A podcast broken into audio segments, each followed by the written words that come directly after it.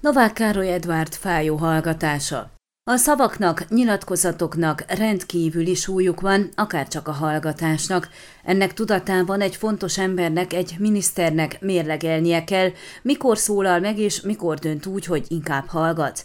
Románia ifjúsági és sportminisztere, az amúgy magyar Novák Károly Edvárd egy esetben a hallgatás mellett döntött. Kár. A Csíkszeredai Novák Edvard sportminiszter az FK Csíkszereda másodosztályú labdarúgó klub minapi bukaresti a magyar ellenes megnyilvánulások miatt emlékezetessé vált szereplése után inkább úgy döntött, nem vesz tudomást a székely csapatot ért súlyos atrocitásokról. Ehelyett mit tett? Saját közösségi oldalán arra kérte követőit, a románokat és magyarokat egyaránt, hogy támogassák őt az újabb paralimpiai játékokra való felkészülésben, és nyilván a játékokon is. A sportminiszter igen aktív a Facebookon, hiszen a bukaresti Steaua és az FK Csíkszereda meccsének napján arról értekezett, hogy a Kármin márkájú sportórája négy napnyi pihenőt ajánlott neki. Másnap arra is futotta idejéből, annak ellenére, hogy pihenést ajánlott a drága sportóra, hogy megdicsérje Klaus Johannis államfőt, amiért az biciklire pattant és kerékpározott egyet. Közben a sportminiszter minden alkalmat megragadott, hogy bátorítsa, nagyon is helyesen, az olimpián szereplő román sportolókat, amiért meg is kapta a pozitív visszajelzéseket.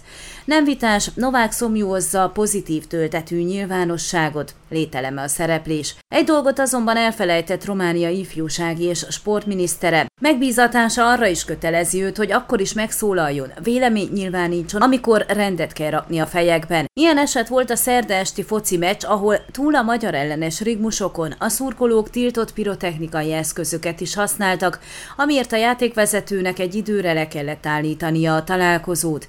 A miniszternek legalább a látszat kedvéért ki kellett volna gyöngyöznie magából egy elítélő mondatot, vagy legalább egy mondatfoszlányt. Elnézve a román éremtermést a Tokiói nyári olimpián, Románia mindössze négy érmet szerzett, a csíkszeredai sportminiszternek a szép teljesítményt elért román sportolók üdvözlése mellett elegendő ideje lett volna arra is, hogy figyeljen az itthoni eseményekre. Mert számunkra nem kérdés, hogy a mindenkori sportminiszternek kötelessége megszólalni és elítélni az olyan megnyilvánulásokat is, amelyek esetleg kevesebb lájkot hoznak a közösségi oldalára.